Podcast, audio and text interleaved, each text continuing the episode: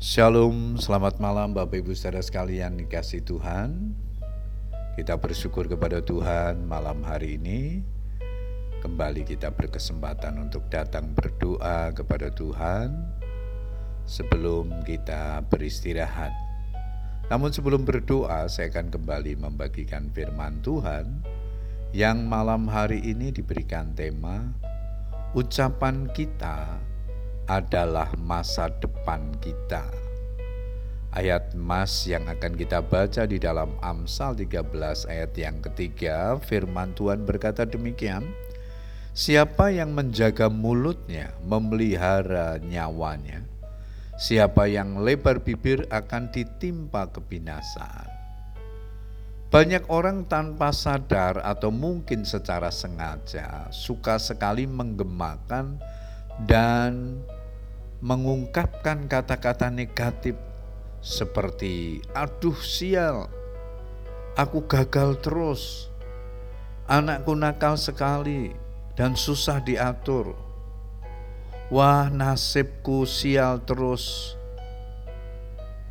Banyak orang tidak menyadari bahwa apa yang diucapkannya itu bisa menjadi suatu kenyataan di kemudian hari. Alkitab mengatakan firman itu dekat kepadamu, yakni di dalam mulutmu dan di dalam hatimu. Itulah firman iman yang kami beritakan. Sebab jika kamu mengaku dengan mulutmu bahwa Yesus adalah Tuhan dan percaya dalam hatimu bahwa Allah telah membangkitkan dia dari antara orang mati, maka kamu akan diselamatkan. Roma 10 ayat 89 kalau kita senantiasa mengucapkan firman iman, maka kita akan menuai hal-hal yang indah dan positif. Kalau pengakuan kita positif tentang Kristus, maka kita akan diselamatkan.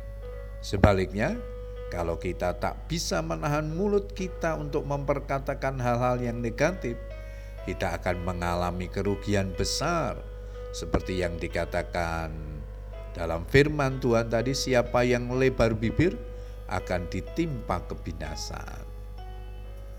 Dalam menangani umat Israel yang tegar tengkuk, selalu mengeluh, mengomel, bersungut-sungut dan tidak mau taat kepada Tuhan, Musa pun bersikap tegas.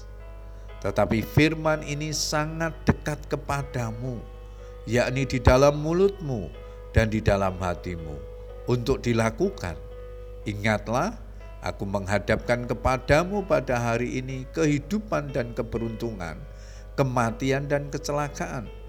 Ulangan 30, 14, 15. Kehidupan dan keberuntungan, kematian dan kecelakaan dapat kita pilih dan kita tentukan sesuai dengan keinginan hati kita.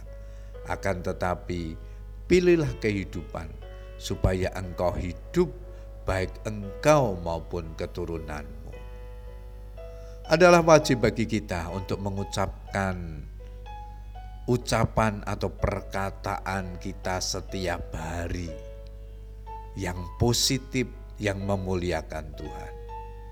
Belajarlah dari Daud yang sangat berhati-hati dengan ucapannya, sehingga ia berdoa, "Awasilah mulutku, ya Tuhan, berjaga-jagalah pada pintu bibirku." Mazmur 141 ayat yang ketiga.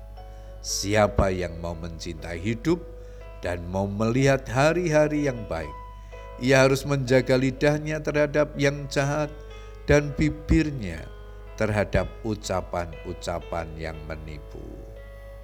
Puji Tuhan Bapak Ibu Saudara sekalian, biarlah kebenaran firman Tuhan yang kita baca dan renungkan pada malam hari ini membimbing kita, menuntun kita untuk terus belajar memperkatakan perkataan-perkataan yang positif, yang membangun, yang menguatkan, sehingga kehidupan kita, masa depan kita boleh menuju kepada masa depan yang indah, yang berkenan di hadapan Tuhan.